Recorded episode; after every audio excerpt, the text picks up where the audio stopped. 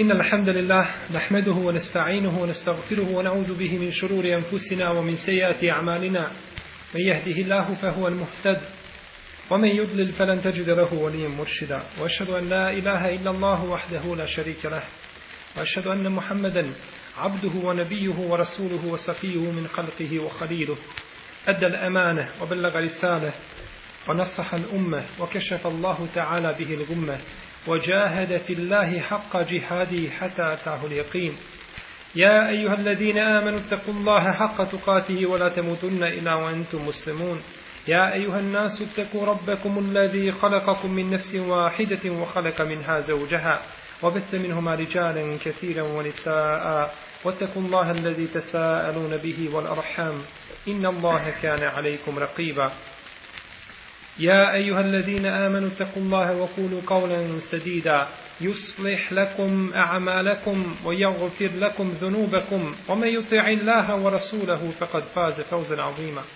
أما بعد فإن أحسن الكلام كلام الله وخير الهدي هدي محمد صلى الله عليه وسلم وشر الأمور محدثاتها وكل محدثة بدعة وكل بدعة ضلالة وكل ضلالة في النار sa komentarom hadisa Osmana ibn Affana radijallahu ta'ala anhu u kome je opisivao abdest poslanika sallallahu alaihi wasallame kazali smo da je to jedan od osnovnih hadisa i temelj i stup u taharetu i u opisu abdesta poslanika sallallahu alaihi wa alaihi wasallam spominjali smo također usput da je još jedan hadis sličan Osmanovom a to je hadis Abdullaha ibn Zejda radi Allahu ta'ala anhuma u kome opisuje abdest poslanika sallallahu alaihi wasallam pa ćemo spomenuti ovaj hadis i kratko se zadržati na njemu jer smo osnovne propise abdesta govorili znači kada smo pričali i kada smo komentar znači davali na hadis Otmana ibn Affana u ome hadisu a on je 11. po redu kaže Amr ibn Jahja od svoga oca Jahje ibn Umare kaže bio sam sa Amrom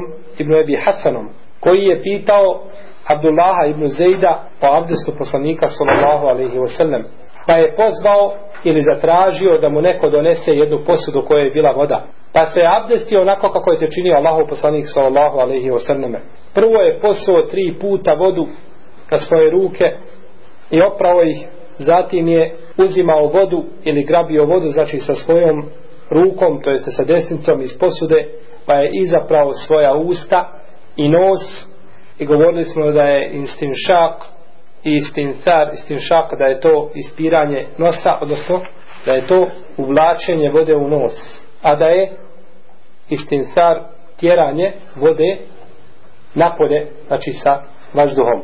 I tako je učinio sa tri puta. Potom je ponovo uzeo vodu i oprao svoje lice i svoje ruke do lakata po dva puta.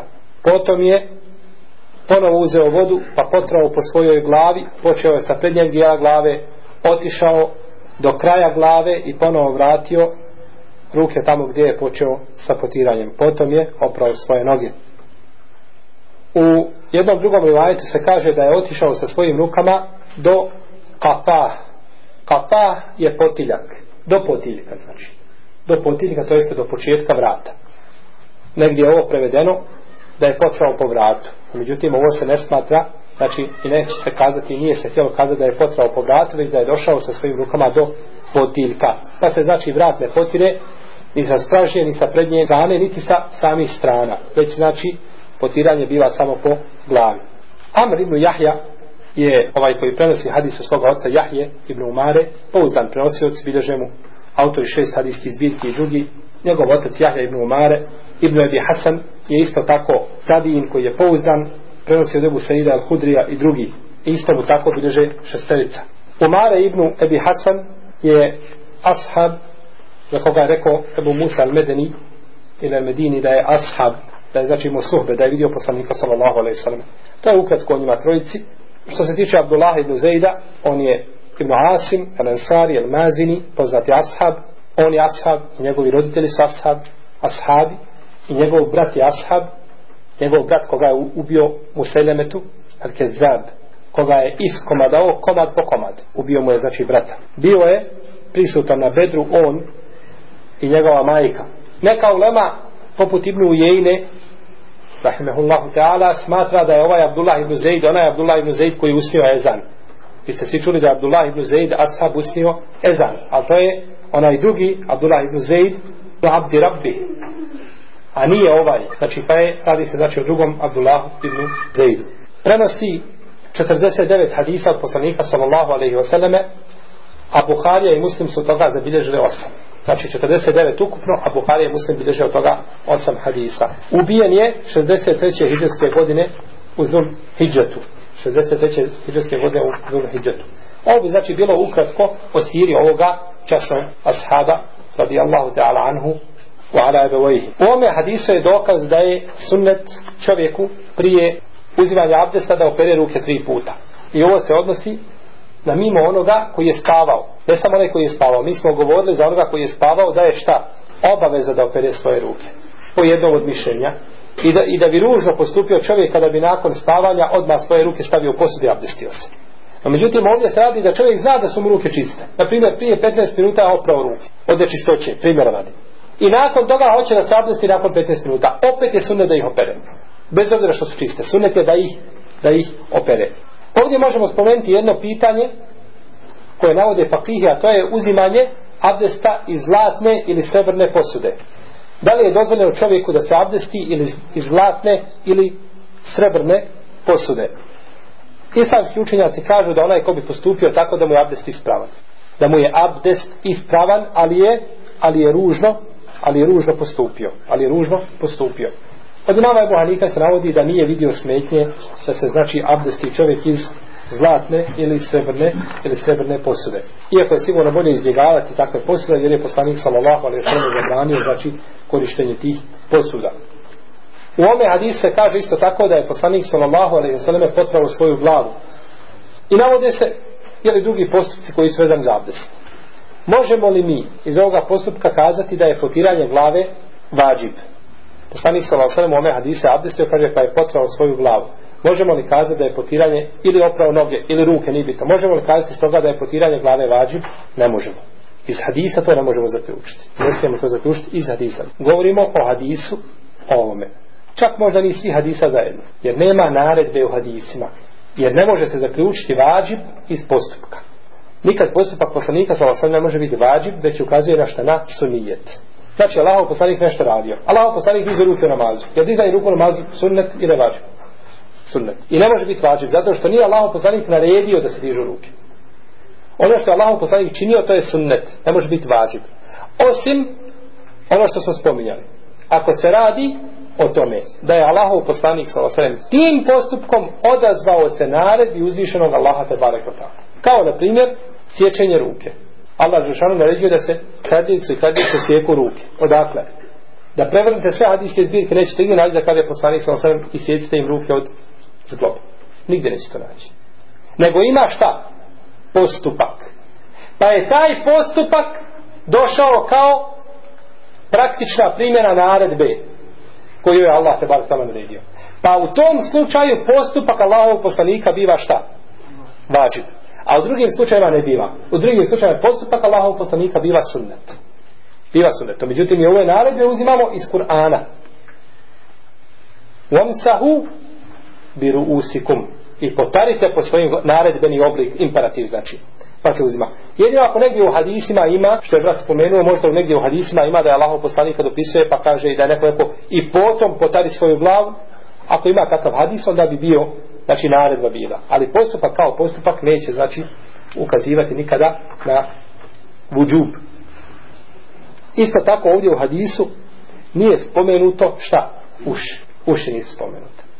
I zbog toga su neki učenjaci odu, kad ovako dođu na dis, pa kažu i vidite da ovdje nisu spomenute potiranje ušu. Ili poslanik sallallahu sallam je klanjao i u jednom se hadisu govori kako je klanjao i kaže se na kraju i nigdje se nije spomenuo dizanje ruku. Kaže, vidi da nije spomenuo dizanje ruku. Hadis kod Buharija nije spomenuo dizanje ruku. Pa dobro, nije u tom hadisu. A šta je sa drugim hadisima? Pa isto tako i ovdje. Jer ovdje isto tako nije spomenuto šta još? Prolaženje prstima kroz bradu, tako. Tahlilu lihije. Nije spomenuto promjenjenje prstima iz nožnih prstiju, rušnih prstiju. Nije ništa to spomenuto. Znači to da to ne postoji?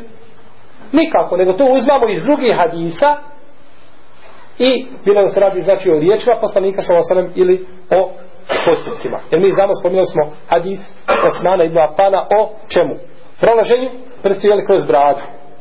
I taj hadis je vjerodostojen i ima 12 svojih drugih hadisa koji mu sjedoče dvane iz drugih predajima koje svjedoči tome hadisu. Tako da je ispravno mišljenje, one uleme koji kažu da treba čovjek da prođe znači svojim prstima, da prođe svojim prstima kroz, kroz bradu. Isto tako iz ovoga hadisa možemo zaključiti da je dozvoljeno čovjeku da traži nekome od nekoga da mu pomogne pri uzmanju abdesta. Da mu donese vod, a isto tako dozvoljeno iz drugih hadisa možemo to zaključiti, dozvoljeno da mu neko polijeva. I tu nema čega, kerahijeta. Nema znači tu pokude već je dozvoljeno znači čovjeku da traži da mu neko pomogne. Neko kaže nije dozvoljeno da ti neko polijeva dok uzimaš abdest, jer je to traženje pomoći od nekoga, a tražiti pomoć od nekoga mimo Allaha je zabranjeno. To su filozofski pute. Poslanik sam Allah sveme tražio posljedno, a sahabi su tražio posljedno da im se donese i to ne smeta. To ne znači ne smeta. Da li je bolje ako čovjek sam to učini, to je druga stvar. No, međutim, ne smeta čovjeku da zatraži, znači da mu neko pomogne. Naročito ako ima potrebu. Naročito ako ima potrebu. Isto tako možemo i sadisa zaključiti da je dozvoljeno čovjeku da pouči druge praktično nečemu.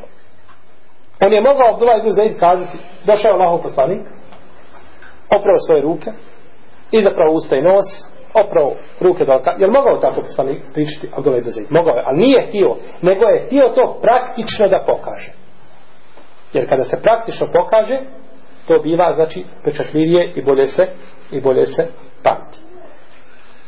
Ovo bila samo neke sitnice vezane, znači za hadis Abdullaha ibn Zejda, koje nismo možda spominjali, ili smo ih samo ukratko spomenuli u hadisu Osmana ibn Afana. Možda ovdje sada na kraju, budući da naredni hadisi koji nam dolaze imaju veze sa abdestom, ali nemaju one uske veze sa propisima abdesta. Tako da nećemo možda više ulaziti u propise abdesta, pa bi bilo dobro da možda sada na kraju, nakon što smo završili ova dva hadisa koji su temelj i osnova za taharet, ponovimo kako bi to izgledao abdest poslanika sallallahu alaihi wasallame ukratko, znači bez izvršenja argumenta, nego da kažemo poredak i način kako se uzima abdest. Kazali smo prvo da je obaveza čovjeku da donese šta?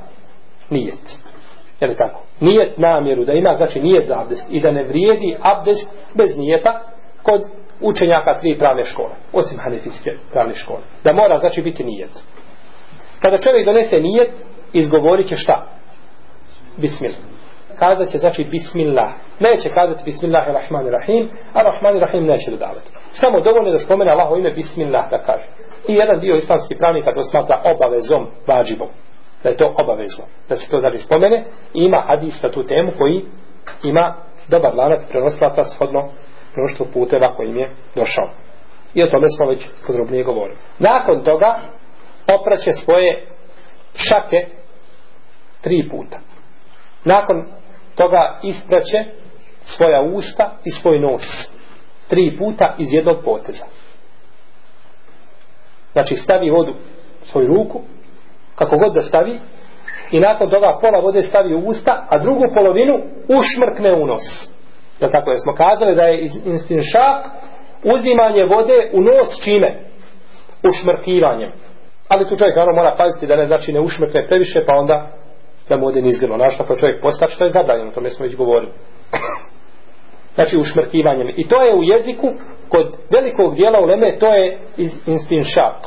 A mabmaba je pokretanje vode usred šupljini vazduhom. Znači da čovjek povjera vodu lijevo desno. Ne da čovjek znači samo uzme vodu i vrati je nazad. Ili da uzme vodu i proguta. Govorili smo jedno i drugo ako bi učinio šta. Smatralo bi se ispravnim.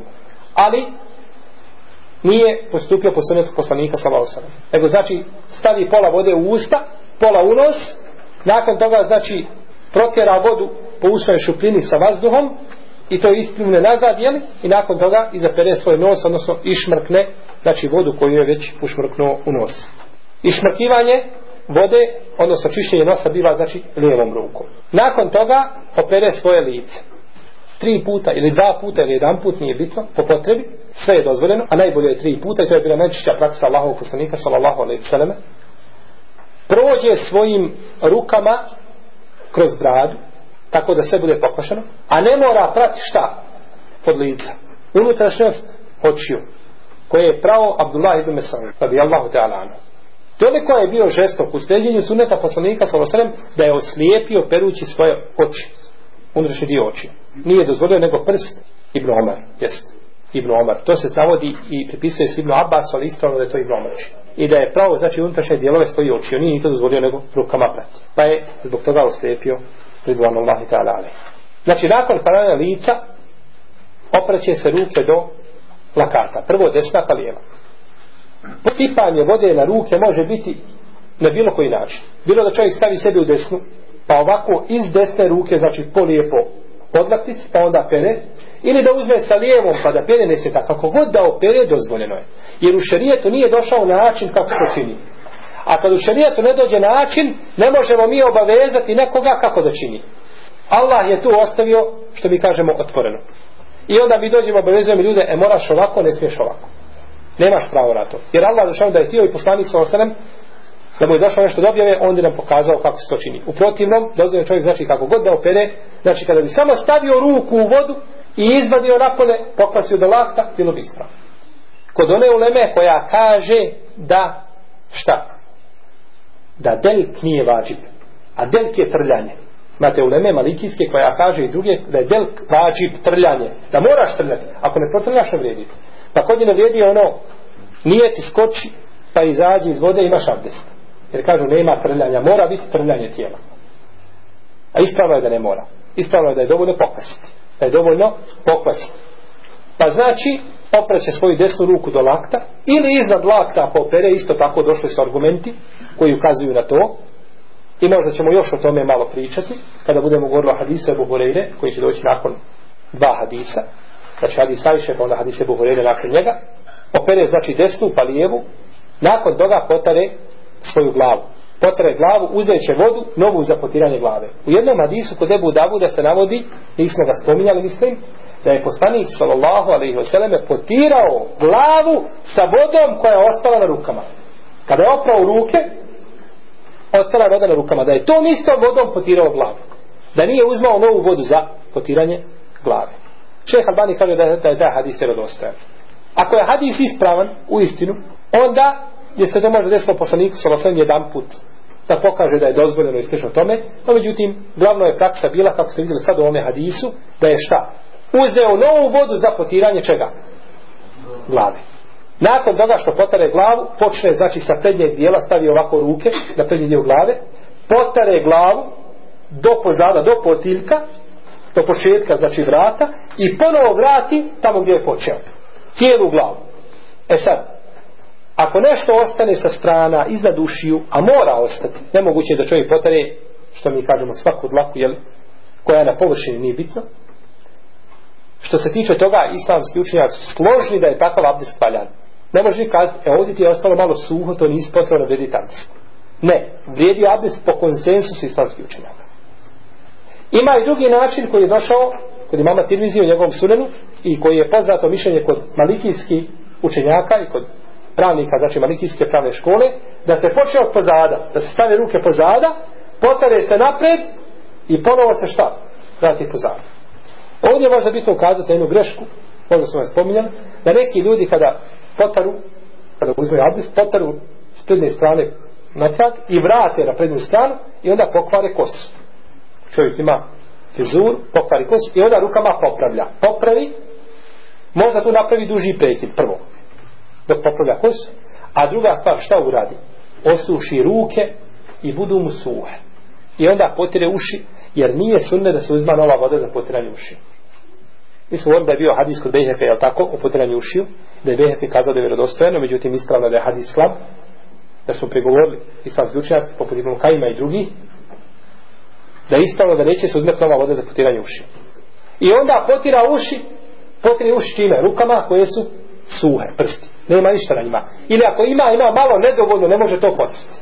I onda ispada kao da nije potirao uši ili je potrao polovično sliča tome. Bolje mu onda znači da to odgodi na kraj abdesta ili ako već učini, onda neka uzme novu vodu pa neka potare uši. Neka uzme novu vodu, ne smije ta znači da uzme novu vodu da potare uši ako ima potrebu, kako kaže Čeh Albani i drugi. Nakon potiranja ušiju, opreće se noge. Noge se znači peru, prvo desna pa lijeva, mogu se prati sa oba dvije ruke, može jednom, ne smeta, znači mogu se noge prati sa desnom i sa lijevom rukom, jedino što će se čistiti između prsta, čišćenje između prsta, bit će sa malim prstom lijeve ruke pojače mišljenje. Da će znači mali prst lijeve ruke, da će se time čistiti između nožnih prsta, desne i lijeve noge. I pranje znači biva do članaka. Ako se opere iznad članaka, isto tako neće smetati, možda o čemu ćemo kasnije još nešto progovoriti kada budemo govorili o hadisu Ebu Hureyre radi Allahu anhu. Time bi znači bio završen završeno uzimanje abdesta, nakon toga se proši abdeska dova, koji je učio poslanik sallallahu alaihi sallame, i time je završen abdest. Time je znači završen abdest, onako kako se abdestio poslanik sallallahu alaihi sallame. Znači ovo je bilo ukratko, a o brojnim pitanjima koja se tiču abdesta mi smo govorili u došla tri predavanja. Danas ćemo govoriti o jednom kratkom hadisu koga prenosi majka vjernika Aisha radijallahu ta'ala anha u kome kaže Kana Rasulullah sallallahu alaihi wa sallam i'ođibuhu etejemmunu fi tena'ulihi wa tarađulihi wa tuhurihi wa fi še'nihi kulli kaže majka vjernika volio je poslanik sallallahu alaihi wa sallam da počinje sa desne strane pri oblačenju svojih papuća i pri češljanju i u taharetu, u čišćenju u fi še'ni hikulle i u svim svojim poslovima sve što je radio volio je da počne sa desne strane prvo što se tiče ravije hadisa to je Aisha bintu Siddir i Allahu ta'ala anhuma čerka Ebu Bekra žena poslanika sallallahu alaihi wasallam poznati učenjak ashaba poznati faqih faqih koji je popravljao ashabe poslanika sallallahu alejhi ve u brojnim pitanjima. Ashabi nešto kažu, pa Aisha dođe kaže drugačije. Kaže vidjela sam Allahov poslanika da čini tako i tako ili čini Allahov poslanik tako i tako, pa onda ashabi kažu jeste to je njena specializacija ili to je njena intima sa poslanikom sallallahu alejhi ve i ona je učenija o tome od nas, pa je bila učena u pjesništvu i u fikhu i u medicini. I u medicini, znači bila je učena u više oblasti. A posebno je bila poznata kao faqih, radi Allahu ta'ala, anha. I zato ima jedno dijelo, možda ima više, ali koliko ja znam jedno, u, kom, u kome je jedan od učenjaka prikupio hadise u kojima je Aisha odgovarala ashabima. Ashabi nešto kažu, Aisha dođe i popravi to. Sa argumentom. Kaže, vidjela sam Allahovog poslanika, pa odgovarala Ebu Hureyri, pa odgovarala Ibnu Omeru, pa odgovarala Ibnu Abbas i drugim ashabima. Radi Allahu ta'ala anha oženio je poslanik sallallahu alaihi wasallame dvije ili tri godine prije iđre. Napravio je ugovor o ženitbi. Ugovor o ženitbi. Dok je imala šest godina. A stupio je sa njom u bračni život u ševalu nakon bedra. U ševalu nakon bedra. U drugoj, znači, iđreskoj godini. Ona je rođena četvrte godine po poslanstvu. Četvrte godine po poslanstvu. Znači, devet godina prije iđre uzvišen je Allah te barak je zbog nje spustio ajete i očistio je od potvora kojim su je potvarali oni koji ne vole Allaha i poslanika sallallahu alaihi wasallam kada su je potvorili za najgoru stvar a to je šta? nemoral najgora stvar za koju može biti vjernica potvorena je nemoral nema gore stvari ubistvo nije ništa za potvoru potvora je kudi kamo veća nego ubistvo za vjernika potvora nemorala koju su znači bile izdjeli na Ajšu radijallahu ta'ala anha pa je Allah tabara koji ta'ala objavio ajete u suri An-Nur odlike Ajše radijallahu ta'ala anha su brojne i hadisi su poznati dovoljno nam je da spomenemo hadisu kome je poslanik sallallahu alaihi sallam kaže najdraža osoba što postoji na zemlji je Ajša meni najdraža osoba je Ajša a od ljudi njen otac znači je Siddiq Ebu Bekr on mi je najdraži Pa pogledajte taj odnos, kako je poslanik sa osvijem volio svoju suprugu, i kako je volio znači svoga punca kako je volio Ebu Bekra Sidiqa radijallahu ta'ala anhuma živjela je 65 godina jedne prilike Muavija ibn Abi Sufjan je poslao Ajši radijallahu ta'ala anha 1000 dinara pa nije dočekala zalazak sunca sve je to podijela na lahom put pa je kazala njena sluškinja o majko vjernika kaže da si nama ostavila bar jedan dirhem da sebi malo mesa kupimo pa je kazala što me nisi, kaže, podsjetila. Što me, kaže, nisi, podsjetila. Znači, zaboravila je sebe, sve je podijelila. U drugoj predaji stoji da je Ibn Zubeir poslao Ajši, svoje tetki, tako, Ibn Zubeir, sin Esme, bilo da se radi o Abdullahu ili kome, Urvi. Urve i Abdullah, to su njih dvojica. Jedan od njih dvojice, ovdje se spominje samo Ibn Zubeir u mojoj predaji, jer da je Abdullah, jer on je bio stari, i on je ashab, poslao je njoj 80 ili 100 hiljada dinara. Ovdje se kaže 80 ili 100 hiljada. Da li je dinara dirhema, Allah najbolje zna. Pa je kaže, donijela kaže jednu, jednu posudu, pa je počela kad je to dijeliti, šta će kome. A bila je taj dan postač, postila je taj dan. Pa kada je sve razdijelila, došlo je vrijeme da se iftari. Pa je kazala svoje sluškinje, daj mi, kaže iftar. Pa je donijela ulja i kruha. Ulja onoga, jeli, od zajtuna, jer je tako, i kruha da jede za večeru za iftar. Pa, je, pa kad je to donijela, kazala je ova sluškinja, majko vjernika, zbog čega nisi nama ostavila dva dirhema, pa da kupimo sebi mesa malo. Da, večeram. Pa je kazala, kaže, nemoj me koriti. Kaže, što me nisi podsjetila? Da si me, kaže, podsjetila, ja bi, kaže, učinila. To se vidi, znači, na darvežljivo stajiša, radi Allahu ta'ala, a ovo ništa nije uzeto, braće, nego iz suneta poslanika, sallallahu sallam, koji kaže, poželio sam, kaže, da imam brda zlata ali kaže ne bih dočekao znači akšama a da to sve ne podijelim na Allahom pa je znači Aisha radi Allah dobro to razumila pa je sebe zaboravljala i davala je prednost drugima ni crvom prenosi od poslanika sallallahu sallam 2210 hadisa 2210 hadisa i ona dolazi odmah nakon koga je tako nakon Ebu Horene dolazi po broju hadisa što ukazuje na njen fik i što ukazuje još na šta ko zna ovo prenošenje hadisa voliki broj Nešto nam ukazuje. Ukazuje nam, braćo, koliko je ona fetve davala nakon Allahovog poslanika. Razumijete? Jer bila je ashaba koji su pamtili puno hadisa. A bila je bila Amri, bila Asije. Pamtio možda više od Ajše. A nije pričao, nije bio zaposlen fetvama i poučavanjem drugih, nego je bio zaposlen čime? Ibadetom. Pa ibadetio dok su drugi sjedili u halkama i pričali i govorili ono što su čuli Allahovog poslanika, a bila je bila Amri, bila Asije ibadetio. Pa je njegovo znanje ostalo i njegov ibadet je ostalo samo njemu. A pogledajte Ajšinu od ibadeta. I danas ubiremo plodove toga ibadeta i svi ga koristimo i korist cijega generacije do su njega dana. E sad možete znati zašto je vrednije učenje, isticanje znanja i prenošenje znanja nego, nego ibadet. Vidite. Ibadet je zapisan i započećen i ostaje do sudnjeg dana. A znanje i ovo što se govori za ovaj hadis od koga mi citiramo i kome pričamo, to ide na račun Ajše. Htjeli mi ne htjeli. Na njen račun, račun njenih dobrih djela. Pa ima znači nagrada od toga. 2210 hadisa. Od toga 174 bilože Buhari i Muslim, 54 Buharija bez Muslima i 68 Muslim bez Buharija. Umrla je u Ramazanu ili u Šavualu po različitim mišljenjima 55. ili 56. ili 57. ili 58. ičeske godine. Ne zna se znači tačno godinja njene smrti. Pidvanu, Allahi te alavim. Što znači što nam ukazuje da nisu, niti ashabi, niti tabini, da nisu puno pazili na godinu rođenja i godinu smrti. Jer vidimo da se dosta puta, znači, dešava razilaženje oko godine rođenja i godine smrti. Nisu pazili on na rođendan. Oko poslanikove, samo sedam, oko njegove godine rođenja postoje razilaženje. Na četiri mišljenja. Poznata četiri mišljenja ima i više. I ne znaju sabi, i nema vjerodostojnog hadisa, svi hadisi koji govore tu temu su dajiv. Ima par hadisa, svi su dajivi miskine ashabi nisu znali kad je poslanik sa osam rođen. Kada pa stave rođen dan. Ovdje znači ome hadisu, kaže Aisha radijallahu talana, volio je poslanik sallallahu alaihi wasallam ili dopadalo mu se da počne sa desne strane pri obuvanju svojih papuća, pri češljanju kose, u svome taharetu općenito, fi tuhurihi, o fi še'nihi kullihi, i u svim svojim poslanima. Pogledajte kako je hadis došao. Prvo šta? Obraćanje papuća. Nakon toga češljanje, Pa nakon toga Ajša kaže još nešto širi, jedan pojam kaže u cijelom taharetu. Ma nije samo to u svim stvarima.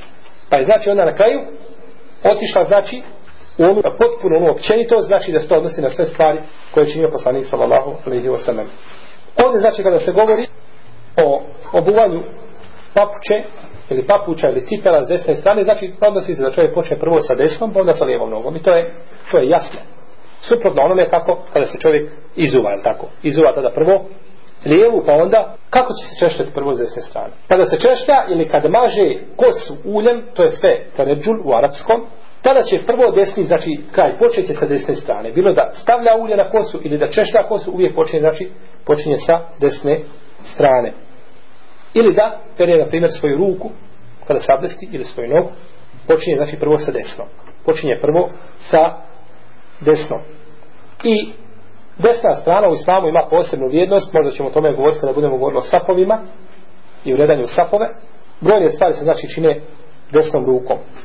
Kao što je oblačenje odjeće, oblačenje mestvi, ulazak u mesčit, korištenje misvaka, oblačenje znači papuća ili obuće, rezanje noktiju, nanošenje surme, kraćenje brkova, izlaženje iz recea, jelo, piće, rukovanje, dodir crnog kamena i brojne druge stvari se čine znači sa desnom rukom a neke se stvari čine lijevom kao što je ulazak u WC znači ili u nečista mjesta izlazak iz džanije ili kuće čišćenje nosa čišćenje nakon nužde skidanje odjeće ili obuće i slično tome ako bi čovjek slučajno uradio nešto što je suprotno onome što je činio poslanik sallallahu alejhi ve kao na primjer u taharetu da opere prvo lijevu ruku da li bi mu abdes bio ispravan govorili smo to da tako kazali smo da bio abdes ispravan jer se prenosi od Alije ibn Mesauda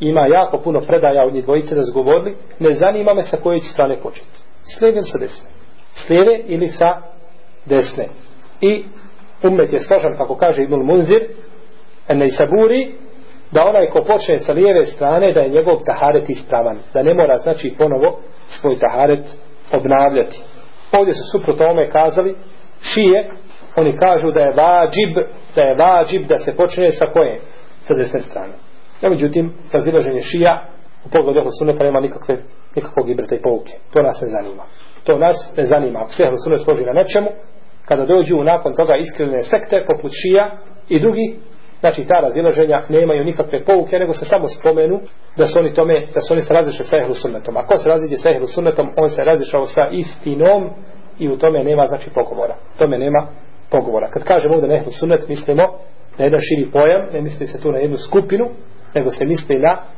prije svega četiri ili pet pravnih škola i na, znači ono na čemu su bili poslanik sa osvrema sahabi, tabini, generacije nakon njih.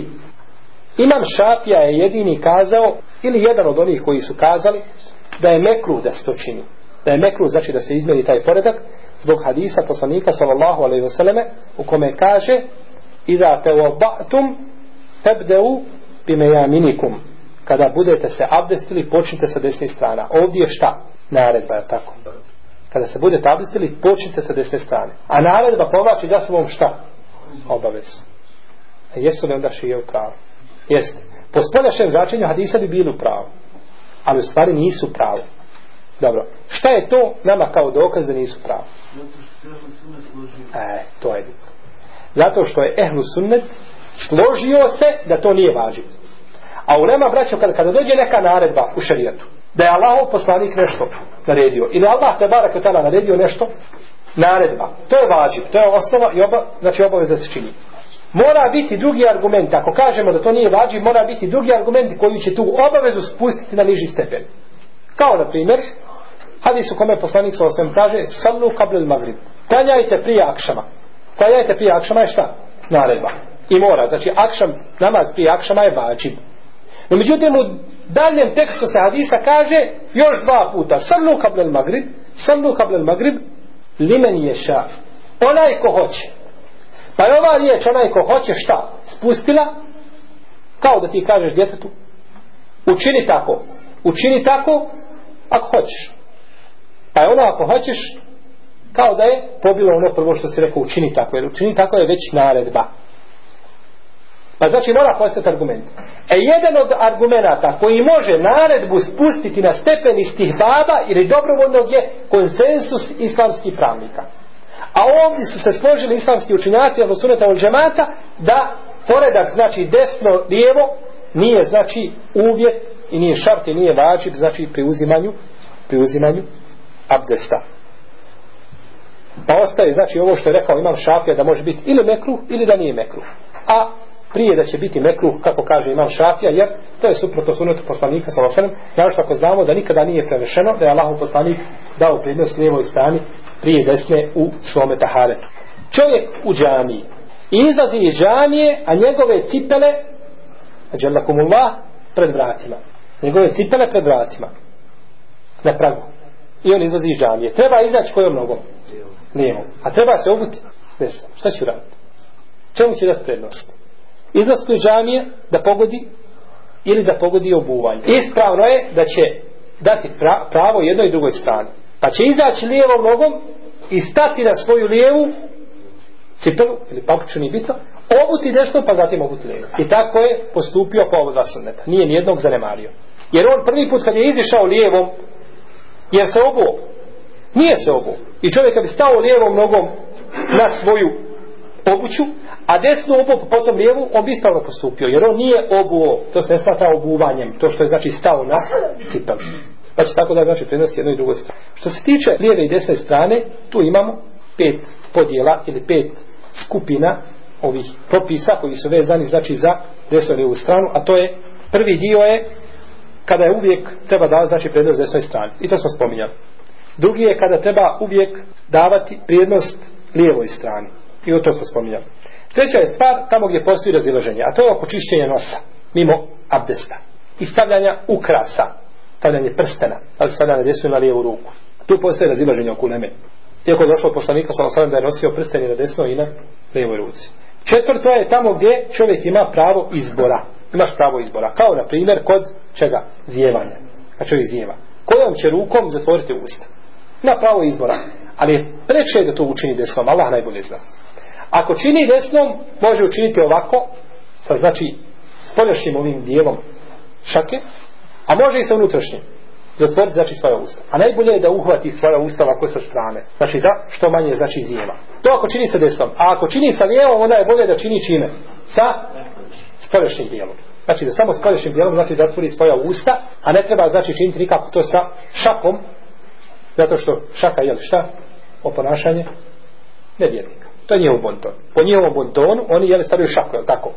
Stavljaju šaku i ovako je ovaj prednji dio šake stave na usta kada zjevaju. Ako tako oni čine, ako je tako običaj njih sviju, koliko ja znam da je tako, ako je običaj tako, onda vjernik treba to izbjegavati. Da ne bi nije oponašao, a ako ima neki drugi običaj, onda znači može i tako ne smeta. Znači ovdje ima pravo izbora između dvije ruke. I peta stvar jeste tamo gdje treba koristiti i lijevu i desnu skupa neće dati prednost jednoj pa drugoj, a to je recimo kada se čovjek abdesti, da koristi, znači, pripravi lica, ili, znači, neće stavljati, dati prednost jednoj strano drugoj, nego će to koristiti, znači, zajedno. O fi še'nihi kulli, i u svim svojim poslovima, molio je poslanik sa osanem šta? Desnu stranu. Korištenje mi spaka. Kojom će rukom čovjek koristiti mi spak za zube? Kada čisti svoja usta. Kaže šehovi sva minuta imio u 21. tomu svojim fetvama da je bolje čovjeku da koristi mi spak lijevom rukom kaže šekol islam, to liči otklanjanju i uklanjanju neprijatnosti. Iz usta čovjeka da jede ili pije i slično tome, ako nešto ostaje, onda on to čisti mi svakom i kaže to je uklanjanje neprijatnosti i to je analogno čišćenju posle nužde, kaže treba činiti lijevom rukom. Jer se leva ruka koristi za uklanjanje neprijatnosti, a desna za lijepe stvari. Drugi dio učenjaka kažu ne, samo desna. Desna ruka, jer je, to su usta, usta su najčastniji dio, tako, I jednom hadisu se navodi da je poslanik sa osam rekao očistite svoja usta mi svakom prije učenja Kur'ana. Jer ima melek koji dođe i stavi svoja usta na tvoja usta. Ili kod tvoje usta pa uzima to što ti, jel, što ti učiš. Navodi se hadis kome su prigovarali neki islamski pravnici. Koje će se rukom koristiti? Ovi drugi kažu desnom rukom, samo desna ruka. Treća skupina kažu ako je čišćenje radi zineta i tatjiba, znači da se čovjek samo očisti da buze u sunnet, a nema ništa, usta su mu znači čista, onda neka to čini desnom rukom. Jer je to tada vid uljepšavanja i dotjerivanja, tada pa desnom rukom. A ako je to nakon hrane, neka čini lijevom rukom. Ovo znači mišljenje za koje nemaju jaki argumenti, nego znači to su analogije koje se uzimaju, može se prihvatiti ili jedno ili drugo ili treće, znači šta god da čovjek uči od ovoga ne smeta, nije to znači određeno šarijatom, iako možda ovo mišljenje koje se kaže ako je čišćenje nakon jela ili pića da se čisti lijevom, a mimo toga ako je za dotjerivanje desnom, možda ona ima svoju težinu, a i druga mišljenja sigurno su jaka. Isto tako kada čisti, bilo da čisti lijevom ili desnom rukom, onda će početi sa desne strane svoje usta. Ispravno da počne odmah s desne strane.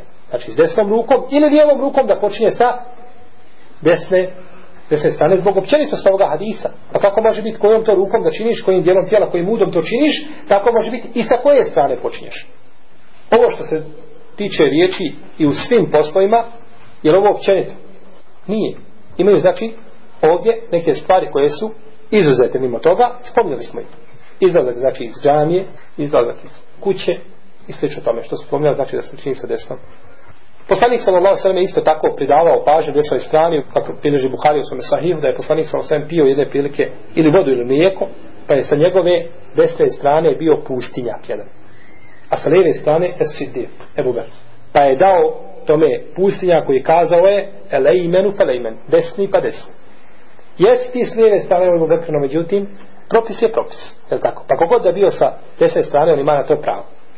I u drugoj predaj stoji da je jedne prilike Ibn Abbas bio u društvu sa poslanikom sa vasalem i najstarijim ashabima ešjahun mine sahabe i tako je poslanik sa vasalem napio se mlijeka i kazao je Ibn Abbasu koji je bio sa desne strane kaže dozvoljavaš li kaže da kaže dam to ovim starijim ashabima koji su sa lijeve strane pa je kazao tako mi Allaha nikome svoj udio neće prepustiti Pa je uzeo tu posudu i pio iz te posude sa mjesta sa koga je pio Allahu poslanik zbog čega? Zbog berek. I zaista je Abbas fakih. Wallahi je fakih. Ko je taj ko bi dao prijednost nekome da uzme taj bereket od poslanika sa vasa? Ko je taj? Ne postoji znači osoba na zemlji koja je preča čovjeku od sebe samoga. Da ne kažem našto, jer je poslanik sa vasa jasno. No međutim, kada bi došlo do toga, onda je čovjek najpriči sebi i da dovi za sebe. I zato islamski učenjaci kažu da je ružno da čovjek kaže Allahu moj oprosti njemu i meni. Ne kaže reci oprosti meni i njemu. Ali prvo za sebe dovi.